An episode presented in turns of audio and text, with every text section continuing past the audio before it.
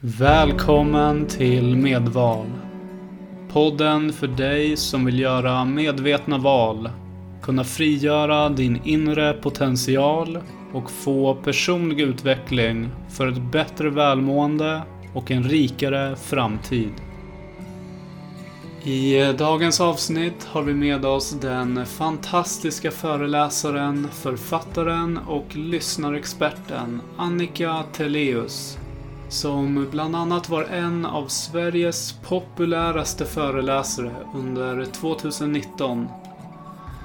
Hennes bok Konsten att lyssna har fått stor uppmärksamhet i media och Annika lär i dagens avsnitt ut Konsten att lyssna där vi går igenom kampen om vår uppmärksamhet, hur vi kan bli bättre på att lyssna, både på oss själva men också på andra och vilka otroliga vinster det finns i att göra det. På med mössan, för det här är vägen till större tillit och bättre relationer. Varmt välkommen till dagens avsnitt Annika Teleus. Tack så mycket, jättekul att vara här. Mm. Härligt. Eh, det är jättekul att ha dig med här. Eh, jag har ju precis börjat lyssna på din bok eh, Konsten att lyssna. Och eh, jag tänker att det är det vi ska prata om här idag, om den boken och just konsten att lyssna. Eh, både lyssna inåt men också lyssna utåt och eh, ja, men att bli hörd och att också att andra kan höra en, att, att man blir lyssnad på. Eh, men innan vi hoppar in på alla de här spännande ämnena så tänker jag att eh, lyssnarna och jag vill ju veta lite mer vem vi har med oss här idag. Ja, eh, jag har jobbat lång tid i näringslivet. Bland annat så tillbringade jag 16 år på H&M och det var jättehärliga år, väldigt spännande miljö att jobba i. Och där jobbade jag med att bland annat bygga upp en Consumer Insight-avdelning där jag var runt i världen och lyssnade på både kunder och medarbetare. Ehm, och det var ju väldigt mycket där jag blev medveten om att det funkade när jag lyssnade bra. Och det funkade inte lika bra när jag tappade uppmärksamhet eller när min närvaro inte var lika hög. Och också hur, hur tydligt det var att jag kom in med eh, min svenska syn på saker och ting. Och när jag kunde se att jag hade svenska glasögon på mig och lyfta bort dem lite grann och se öppnare på vad som hände, hur mycket bättre det blev. Mm. Så det är min mer eh, jobbbakgrund. Eh, och sen för några år sedan så blev jag väldigt, väldigt nyfiken på, kan jag ta med mig det jag har lärt mig och sprida det i, i världen? För jag såg ju vilken otrolig kraft det finns i lyssnandet. Och när jag tittade och började gräva ner i, i lyssnandet som ett intresse så såg jag att det finns bara i princip böcker som handlar om att lyssna antingen som terapeut eller som pedagog. Men det är någonting som vi gör hela tiden på varandra, eller i alla fall borde göra. För det är en stor del av kommunikationen. Men som samhälle så har vi enormt stor uppmärksamhet på att sända, att nå ut. Men vi pratar inte om vilken kraft det finns i att nå in. Intressant och jag kan hålla med dig helt och hållet. Att det, det handlar ju väldigt mycket om idag, som du säger, att just sända ut, eh, nå ut med information. Eh, och kanske är det så också att vi har alldeles för mycket information att kunna hantera. Kan det också påverka just hur, hur bra vi är på att lyssna?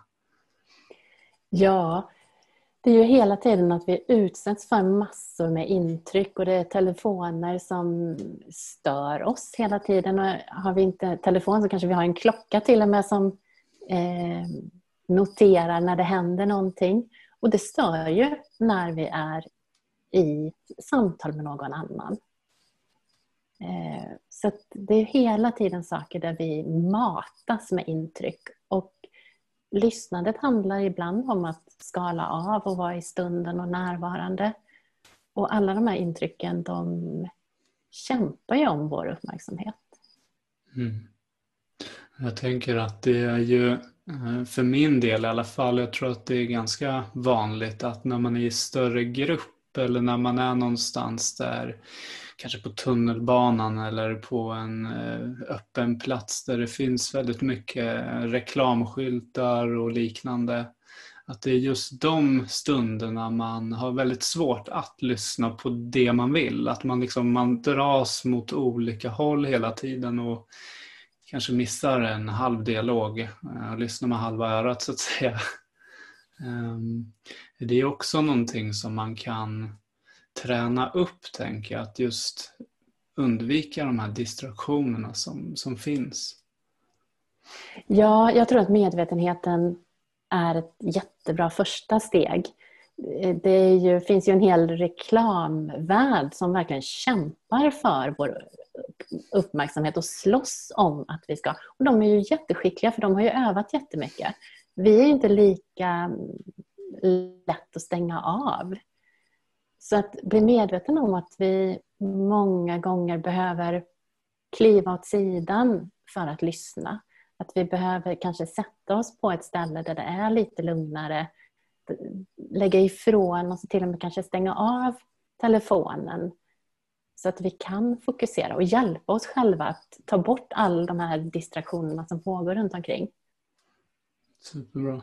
Eh, just mobilen tror jag är en väldigt bra sak. För den har man ju alltid med sig. Ehm, jag hade ett avsnitt här med Johan precis. Vi pratade också om att just stänga av notiser och liknande. Att eh, ja, ha mobilen på ljudlöst och inte bli så extremt påverkad av den. För när det plingar till så dras vårt fokus dit och så tappar vi fokus på det som vi faktiskt skulle fokusera på. Eh, kanske ett samtal som vi var inne i och så pling, ja, jag ska bara kolla här, jag kommer tillbaka. Mm. Hur viktig och, känner man sig då när den andra gör så? Precis. Det blir extremt um, uh, ja, men det blir jättekonstigt samtal då. Alltså man känner ju direkt att uh, det, är, det är inte kul alls. Jag blir inte lyssnad på. Det är något annat som är viktigare än mig. Eh, och jag tänker på det om, har det någonting med just det här med att lyssna inåt på sig själv, har det någon stor betydelse att just lära sig det i medvetenheten där tänkte jag? Ja, jag tycker att det hänger ihop alltihop.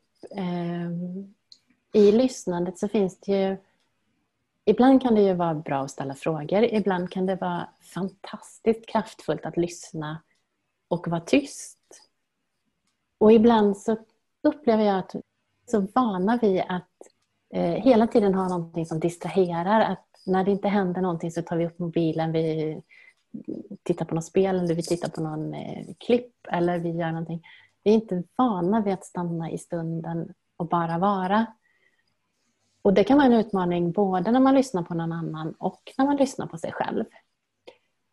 Och sen så ser jag eller reaktioner jag får ibland när jag är ute och pratar om det här så finns det en grupp människor som säger sig vara väldigt duktiga på att lyssna på andra och verkligen har utvecklat den och får, får mycket feedback på vad bra du är på att lyssna som har glömt att lyssna på sig själva. Och sen finns det många som säger också att när jag började lyssna på mig själv så blev det mycket, mycket lättare att lyssna på andra. Så där är vi olika men att det finns lite olika inriktningar där. Mm.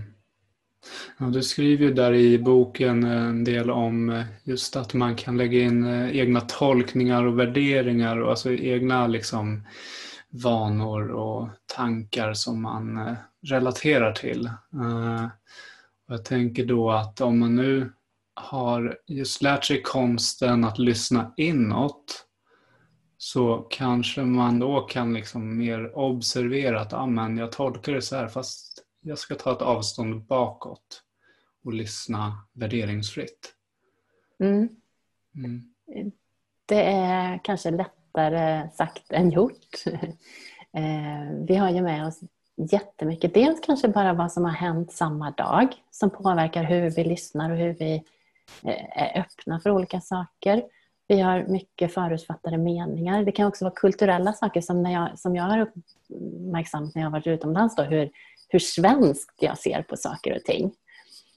Och att där är också medvetenheten ett fantastiskt bra första steg. Att vänta lite, kan jag se på min eh, tolkning? Kan jag bli medveten om att det bara är en tolkning och kan jag, precis som du säger, ta ett steg bakåt och titta på det här?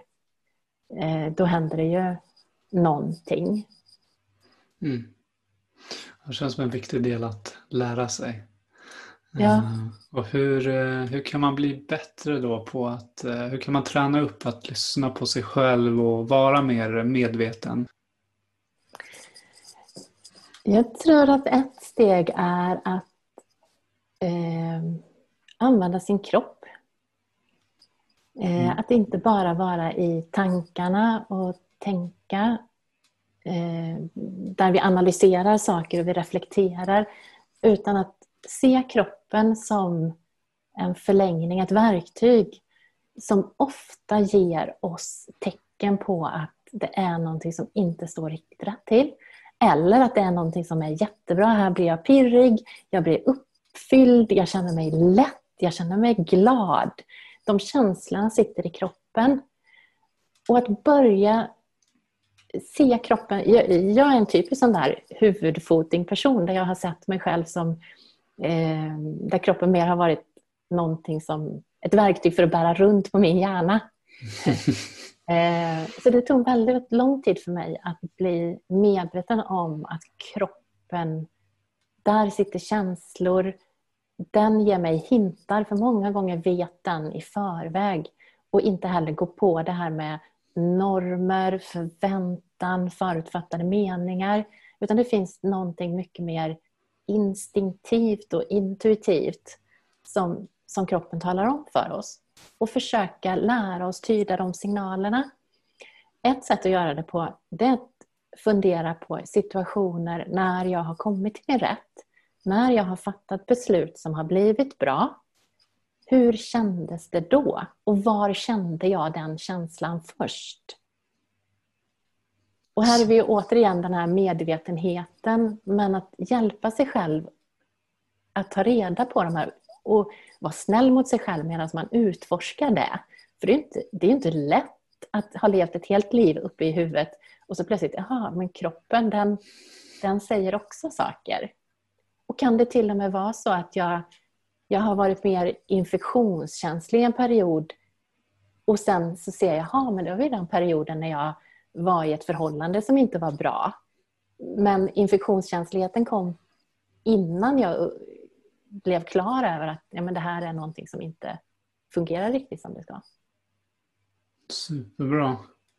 Uh, det låter lite som att man då ska som du säger, att just känna inåt på sin eh, känsla. Att eh, ja, men i den här situationen så känns det bra, i den här situationen känns det mindre bra. Att verkligen lita på den här magkänslan, kan man kalla det så? Mm. Mm. Ja, och i förlängningen så ju, ju mer... det är också viktigt att man inte bara tillåter de positiva känslorna. För vi är ju sammansatta varelser och ju mer man accepterar och vågar vara i det som är jobbigt, i sorg, i ilska, i det ledsna.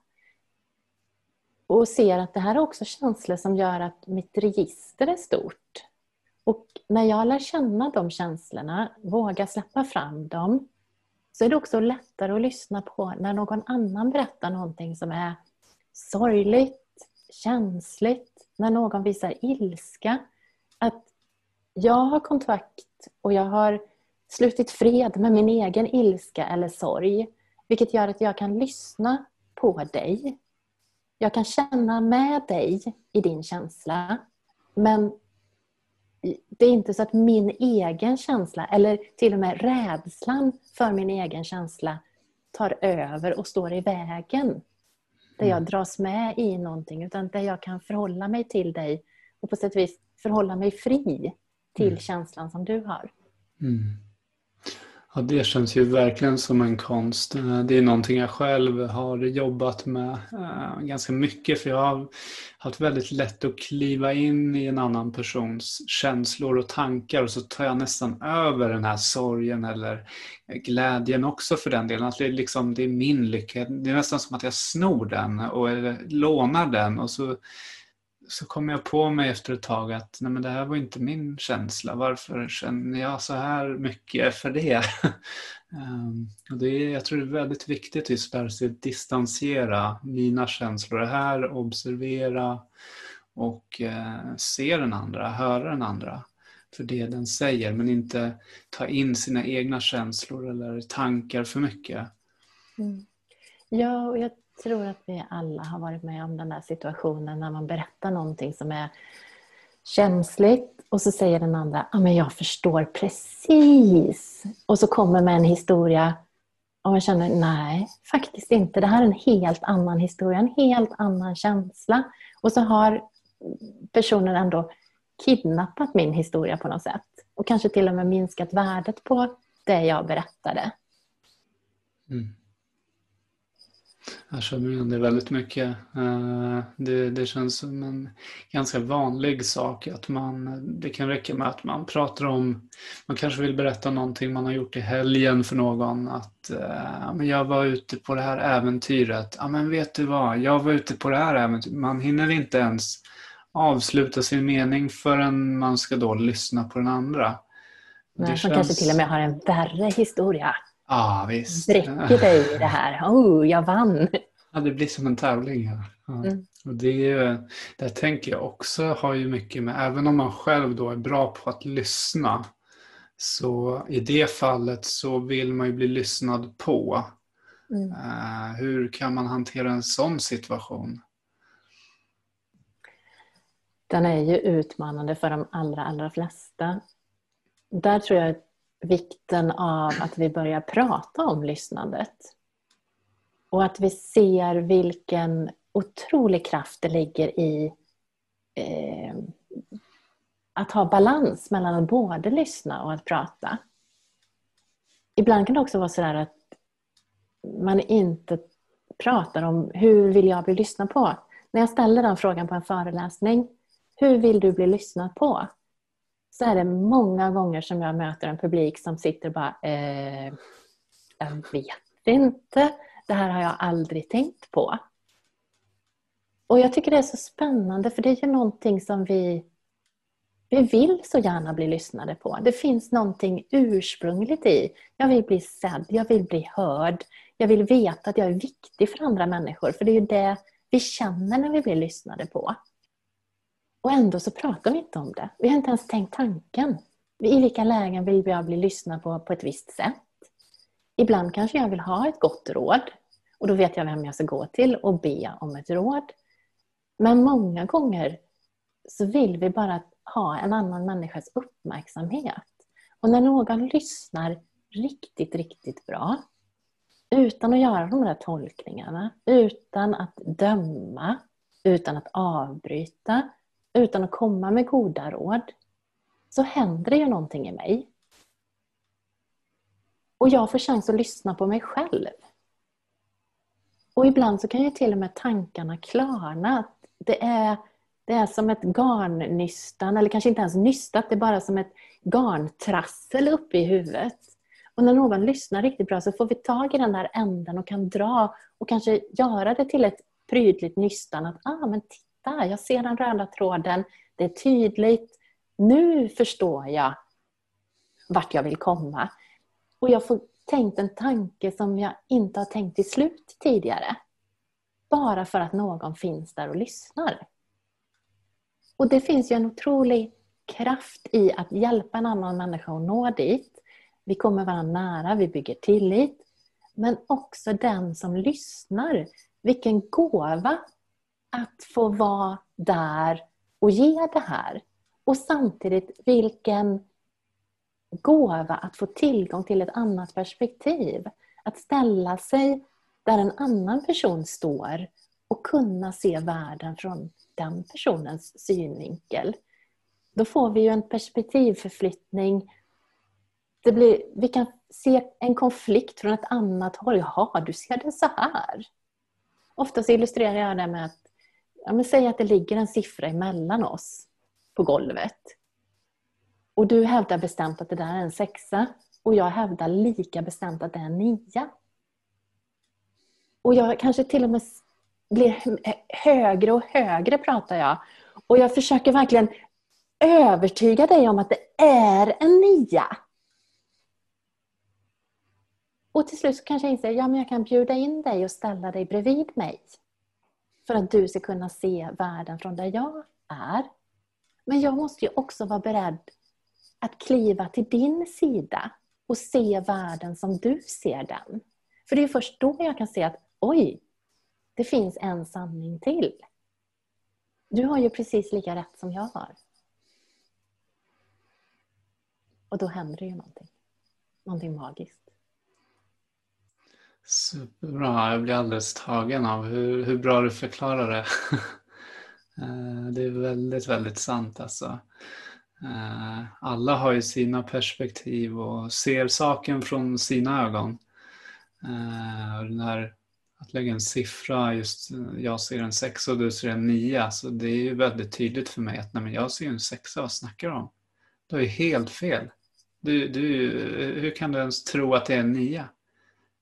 Det blir så fel då om man verkligen inte ställer sig i den andras skor. Och, så men hur ser du en nia? Mer vara nyfiken kanske på att... Ja. ja, visst. Tänk vad som skulle hända i världen om man hade det förhållningssättet. Mm. Hur kan vi lösa ett problem istället för jag har rätt, du har fel? Mm. Mm. Ja, det känns ju också som en sak, tänker jag, på det här med att ha rätt och fel. Att det är väl ganska vanligt att eh, man, vanligt vet jag inte, men vissa kan ju kliva in i ett rum och så redan ha bestämt sig för att så här tycker jag, jag har rätt och lyssnar inte ens på vad någon annan säger. Eh, och man kan ha helt fel. Jag har varit i sådana situationer tidigare där man har kanske förklarat hur ett system fungerar som jag har varit med och byggt upp och lärt ut. Och så den här personen då som har jobbat där kanske lite längre eller den tror sig kunna de här grejerna vägrar att lyssna. Eh, för att den har redan på något sätt tänkt sig att jag har rätt. Jag har varit här längre. Jag vet bättre. Eh, och man missar ju så otroligt mycket viktig information då om man har den inställningen tänker jag. Mm. Eh, och det skapar ju ingen tillit som du är inne på heller. Nej, och det, det är ju mycket saker. Det kan ju vara att vi ser en ålder, vi ser ett kön, ett ursprung, en funktionsnedsättning, vad som helst. Som, eller kanske till och med att vi har en idol, någon vi har idolis ja, men gjort mm. verkligen till en idol där vi inte ser hela den här människan utan vi ser bara det som är eh, på ett visst sätt. Mm. Ja, den tycker jag är väldigt, väldigt sann. Eh, den har jag hört många gånger att eh, flera personer då som ser säger att man är anställd och har en chef som har en chef och man är, vad ska man kalla det, på, på golvet som vissa säger. Jag är mer att alla är på golvet. Jag försöker se alla precis likadana för även en chef är en person. Lika mycket en människa som du är. Eh, och det är väldigt viktigt att försöka få bort den här distansen från att, men, att någon är viktigare och likaså som du säger om någon, har, om någon är känd, att man inte ska se den som en helt annan varelse utan det är fortfarande en människa där. Det är jätteviktigt att, eh, att ha den delen i sig. Um, har du något tips på hur man kan få just den, att just inte se de här stora skillnaderna om, om man möter en kändis eller man ska ha ett samtal med sin chef? Att just gå in i, i den rollen att vi är människor båda två. Mm. Ja, att påminna sig om den tanken när man går in i ett möte. Och gå in med nyfikenhet. För det kan ju också vara så att eh, man har mött någon tidigare och det har hänt något i den situationen. Den andra personen kanske inte har med sig samma slutsatser från det mötet. Eller det var någonting som hade hänt den personen samma dag som gjorde att den reagerade på ett visst sätt i det mötet. Att inte per automatik tänka att nu kommer den här personen att göra precis likadant. Utan att vara lite blank för en människa in i ett möte. Att vara nyfiken på eh, ha som ett vitt papper i ett möte. Och en välvilja, att jag vill väl. Eh, jag pratar om att man ska sätta på sig en mössa. Att varma öron lyssnar bäst. Och eh, jag har haft med mig mössa eh, till när jag har jobbat med några företag och pratat om det att vi behöver ha mössan på oss när vi lyssnar. Ibland när det är mycket saker som händer, jag kanske har en leverans och någon kommer och vill berätta någonting viktigt så har inte jag rätt förutsättningar för att lyssna just då. För jag är så inne i min deadline. Och att kunna säga då att du, jag har inte mössan på mig. Eh, men i eftermiddag kan vi prata då, för då hinner jag ta på mig mössan. Mm. Och, och det är ju inte, har det hänt någonting som är otroligt viktigt så är ju människan viktigare än min deadline. Men att vi kan förklara för varandra att Nej men du, det är så mycket som pågår i mitt huvud. Jag klarar inte att lyssna just nu. Eh, ge mig en chans att sätta på mig mössan. Mm. Så eh, det tror jag hjälper oss ibland att tänka det där. Har jag mössan på mig när jag lyssnar? Vill jag hitta en lösning? Vill jag se den här personen som den är? Vill jag väl? Har jag varma öron? Mm. Superbra exempel. Eh, jag ska, jag ska lägga den på minnet med mössan och verkligen eh, ha den på mig de stunder jag kan och vara tydlig med att om jag har mycket att göra så just berätta det att jag har inte mössan på mig men vi kanske kan ta det lite senare för då har jag mössan på mig. Eh, där tänker jag också mycket på ja, men när man har mycket deadlines eller liknande och just inte har den här mössan på sig och kanske kan lyssna in så mycket eller lyssna på andra. Att eh, det känns ju ganska kopplat till just hur, eh, hur man hanterar stress också. Att just eh, vara medveten om, som du var inne på tidigare, med sina känslor. Att just vara, alltså lyssna inåt. Att ja, men nu känner jag att hjärtat slår snabbare eller nu, nu börjar jag bli lite svackig med blicken eller vad nu ens egna tecken är. Och verkligen bara distansera sig från det. Att okej, okay, nu känner jag så här, men också ha medvetenheten att nu är jag på väg att bli stressad. Och, och landa i det lite, att acceptera det, att nu, nu är det så här. Eh, men det kommer gå över. Mm. För att eh, jag vill inte stanna i den känslan. Nej, men att vara snäll mot sig själv. Att inte bli, oj nu känner jag den här känslan igen, oj vad dumt, vad dumt. Utan okej, okay, men nu blir jag ledsen, nu blir jag arg, nu blir jag stressad. Och acceptera det. Men att bli medveten om att okej, okay, nu är den här. Och jag kan göra saker för att kliva ur den, men jag behöver också vara, tillåta mig att vara i den. Mm. För det är ju att, att ha hela sitt känsloregister. Mm. Det känns väldigt viktigt. Jag kommer inte ihåg exakt om det var...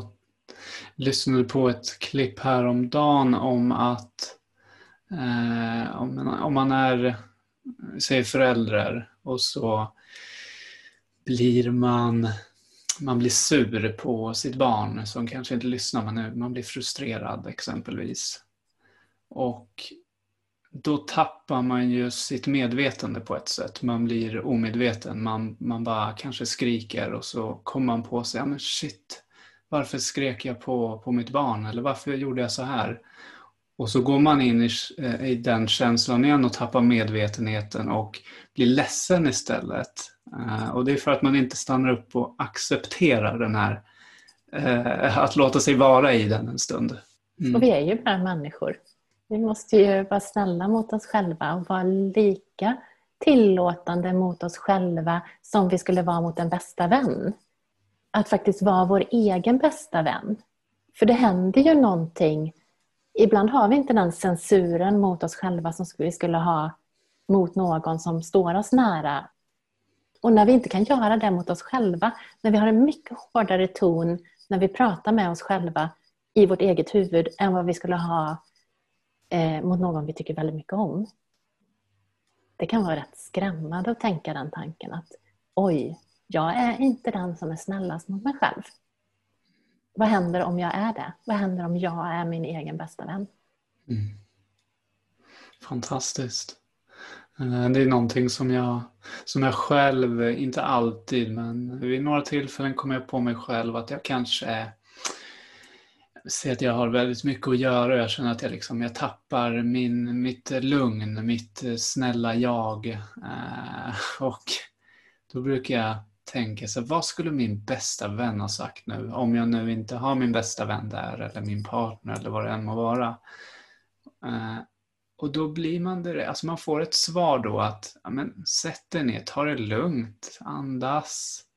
Man får verkligen tips och råd om man, om man ställer den frågan och ser sig som en bästa vän.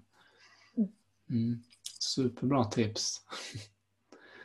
um, jag tänker också på att eh, finns ju vissa personer om man exempelvis är i möte eller man är i större grupp eller det kan räcka med att man är två personer som du och jag. Eh, och ena personen hörs extremt mycket. Och den andra personen vill höras. Eh, men vet inte riktigt hur den ska bli lyssnad på. Eller hur, hur, ska, hur ska den ens komma till tals? Eh, vad handlar det om? Och hur, hur kan man om man är lite blyg eller lite försiktig, hur kan man liksom komma framåt? För jag tror att det är väldigt många som sitter på bra tankar och idéer som inte riktigt får fram dem. Mm, visst är det så. Och I västvärlden så har vi många gånger pratat om, vi söker i, i rekryteringsannonser de som hörs och de som syns och de som kan förmedla sina eh, tankar på ett bra sätt det introverta eller det blyga premieras inte på samma sätt. Eh, Google gjorde en undersökning för några år sedan där de ville titta på vad, vad skiljer team som är ytterst välfungerande från andra team. Och de stoppade in all statistik, alla mjuka värden, hur, hur de tyckte om varandra, vad de gjorde på fritiden, vad de gjorde ihop. Allt möjligt stoppade de in och började analysera det här. Och flera år senare så kom de fram till att det finns en sak som urskiljer de team som är ytterst välfungerande. Och det är att de upplever psykologisk säkerhet. Och det var att de kände sig trygga, de trivdes, de kände sig väl till mods och de presterade bra. Och när de plockade ner det här ytterligare så kom de fram till två starka saker som definitivt har med lyssnandet att göra. Och det är att alla kände sig lyssnade på. Att de turades om att prata. Och att de visade att de lyssnade på varandra. Och jag tror det är där vi behöver börja som ledare i olika grupper. Att prata om vilken kraft det finns i att lyssna och hur vi vill lyssna på varandra och hur vi vill bli lyssnade på. Exempelvis att börja prata om mössan. Att få en begreppsvärld som är lika att säga nej men vänta lite, nu är det så otroligt mycket, jag har inte mössan på. Eller har alla mössan på just nu? Hur vill gruppen bli lyssnad på? Och kan man säga att ja, men för att vi, det handlar inte om att vi ska ha två minuter var och gå runt bordet och alla ska få precis lika mycket. Men någon kanske behöver ha mer tid på sig att formulera. Eh, att kanske inte leverera det inför alla skriva på en lapp. Vi kanske behöver ha olika sätt att komma till tals. Det kanske inte bara är verbalt. Men hur vill alla och hur kan man hjälpa varandra att känna sig lyssnade på? Har man pratat om det här så kan man också säga Nej men nu, nu är din tid slut. På ett bra sätt där det inte behöver vara Nej men nu pratar du så mycket. oh, det, oh, du ska alltid prata så mycket. Utan, ah, hur, hur är det hos alla andra? Mm. Vilka ytterligare uppfattningar har vi i den här gruppen? Mm. Och kanske införa ett begreppsspråk som, ja men vad ska vi säga när någon har pratat? Eh, en grupp pratade om att det var, de var väldigt, väldigt idrottsintresserade och pratade om att ja, men vi vill ha gula kort och röda kort. Vi vill kunna dela ut ett gult kort när någon har pratat för mycket. Och bara vifta lite med ett gult kort. Eller att de la ett gult kort och ett rött kort på bordet och när någon pekade på det gula kortet när någon pratade så blev det också en så här, oj, just det, tack för hjälpen att få mig att inse att nu pratade jag för mycket. Nu ska jag lämna över till någon annan. Så att se det där utvecklingssamarbetet som ett sätt att hjälpa varandra. Så blir det inte heller, åh, han pratar alltid så mycket. Ja, men vilket ansvar kan jag ta för att hjälpa honom mm. att låta mig prata? Mm. Superbra. Det är verkligen så som du säger tror jag, på många platser att just man blir man, man går ut ifrån mötet exempelvis och så bara shit vad den här personen pratade mycket. Åh vad jobbigt det var. Och så går man in nästa möte med samma inställning att det här mötet kommer bli lika jobbigt. Den här personen kommer prata så här mycket igen och ja, jag orkar inte med det. Eh, men mer just som du säger, kanske kolla på hur kan jag hjälpa den personen? Eh, för vissa personer har ju väldigt lätt att prata och eh, de har mycket att berätta. De, de, hade, de är väldigt bekväma med att dela sina tankar helt öppet medan vissa andra personer är just introverta och kanske mer försiktiga med orden. Eh, och då är det jätteviktigt som eh, medmänniska att just hjälpa den andra personen att eh, vet du vad, du kanske ska prata lite mindre eller kunna, vi kanske kan hjälpa varandra lite grann. Jag eh, tycker de här eh, korten var bra. Jag är också idrottsintresserad så det skulle ju vara så klockrent. Och jag tror att det skulle vara roligt också, en rolig grej att ja, ah, nu är det gult kort här, rätt på dig. det skulle kunna bli en härlig stämning. Ja, om, om man hittar ett sätt att enas runt vilka symboler och hur man ska att, att det verkligen är att man har mössan på sig för man vill väl mm. eh, i det där. Jag är inte arg och upprörd utan jag pekar på ett gult kort med värme för att hjälpa dig för att undvika att jag ska bli irriterad också. Um, och har varit inne på lite kring just uh, vilka vinster man får uh, av att kunna lyssna. Men skulle du kunna berätta lite mer där kring vad, vad är det som händer om vi faktiskt lär oss att lyssna både inåt men också på andra. Vad, är det som, vad händer i oss då som människa, som individ och vad händer som grupp? Mm. Att lyssna på sig själv, det ger ju en enorm styrka. Eh, I min bok så har jag en modell som är som en galge som handlar om de här tre olika sidorna och Eh, de två ska man säga, byglarna som går ut där man hänger sin jacka. Den ena handlar om att lyssna på andra och den andra handlar om att bli lyssnad på. Och hur viktigt det är att vi har balans mellan det där, att inte bara vara den som lyssnar eller att bara vara den som pratar ibland kan det ju vara så att någon behöver bli lyssnad på om det har hänt någonting i livet. Att man går igenom någonting jobbigt och behöver mycket, mycket mer eh, bli lyssnad på. Och då är det ju okej naturligtvis. Men att det ändå i det långa loppet finns en balans i våra relationer mellan att lyssna och att bli lyssnad på. Och sen ser jag att det här staget i galgen där man, där man kan hänga upp sina byxor att det handlar om att lyssna på sig själv. Och att det ger en otrolig styrka när man vet vem är jag, vart ska jag och vad är mitt varför? Och det finns jättemycket organisationer som inte har det på plats. Det finns jättemånga personer som inte har det på plats. Det finns jättemånga galgar som bara har eh, en tunn plastgalja med två eh, byglar.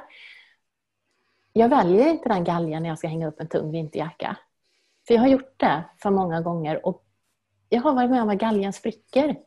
Det säger smack och så står jag med två gal, galgdelar och en jacka på marken. Mm. Men en galge som har staget på plats och en person som har lyssnat på sig själv. Det finns en styrka i det. Och där finns också en... Eh, det blir lättare att fatta beslut. Det blir lättare för andra personer, för många gånger blir den här personen tydligare. Eh, både i det den kommunicerar, men i vem, vem man är. Att man är på riktigt och man står för det man kommunicerar. Utan man sänder samma bild till andra som man har av sig själv. Och det var väl en del av din fråga. Ehm, att det finns så mycket att vinna på att lyssna på sig själv. Och även som ledare att ha koll på vem man är. I alla relationer så förenklas relationerna när man vet vem man är. Det var en lyssnare som hörde av sig, eh, eller lyssnare, eller läsare, en kanske hade lyssnat, jag vet inte, eh, som sa det att om alla ledare i världen skulle läsa din bok så skulle vi inte ha några krig. Mm. Och det är väl kanske att, att äh, sätta väldigt äh, god tro till min bok, men eh, jag tror att den här personen menade att om vi blev bättre på att lyssna så skulle vi inte hamna i den här extrema polariseringen som känns som den eskalerar i världen. Utan att nyfiket gå in och att försöka tillsammans lösa saker istället för att tävla och kämpa om vem som har rätt och vem som har fel. Och anledningen till att jag lyssnar på dig det är bara för att hitta ett argument som jag kan skjuta ner dig med. Då har man ju inte mössan på, då lyssnar man ju inte av rätt anledning. Ehm, så framtidens vinnare, det är de som lyssnar idag. Framtidens vinnare är de som lyssnar. Håller helt med dig. Superbra. Um, har du något annat som du känner kring ämnet lyssna och tala och hela den här delen som, som du vill bara, det här vill jag verkligen få med?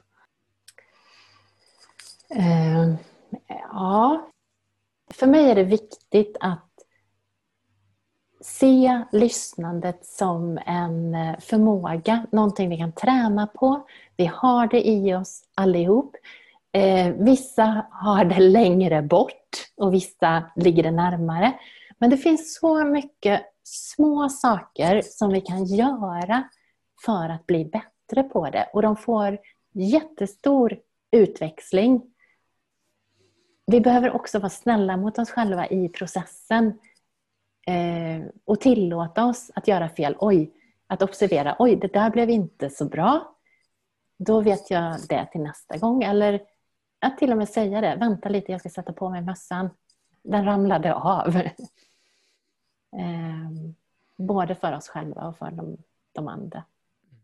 Men det finns mycket små, små saker som vi kan tänka på för att bli bättre på att lyssna. Både på oss själva och på andra. Mm.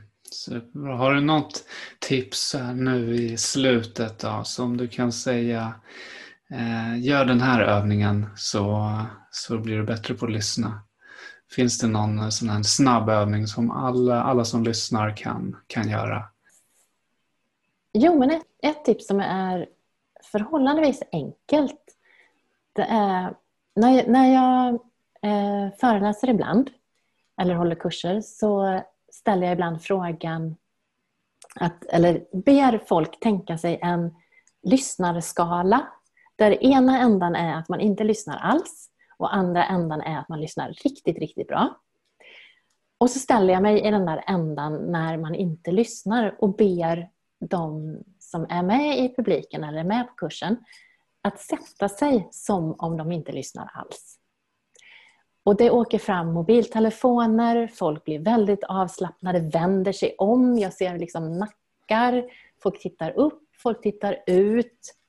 Det händer någonting. Och sen så, eh, ibland stannar jag i mitten, men när jag går till ändan där på skalan där man lyssnar riktigt, riktigt bra, så händer det någonting i rummet. För jag ber också att sätt dig som du lyssnar riktigt, riktigt bra. Och de flesta hamnar framåt, lutar sig mot, försöker ha ögonkontakt, nickar.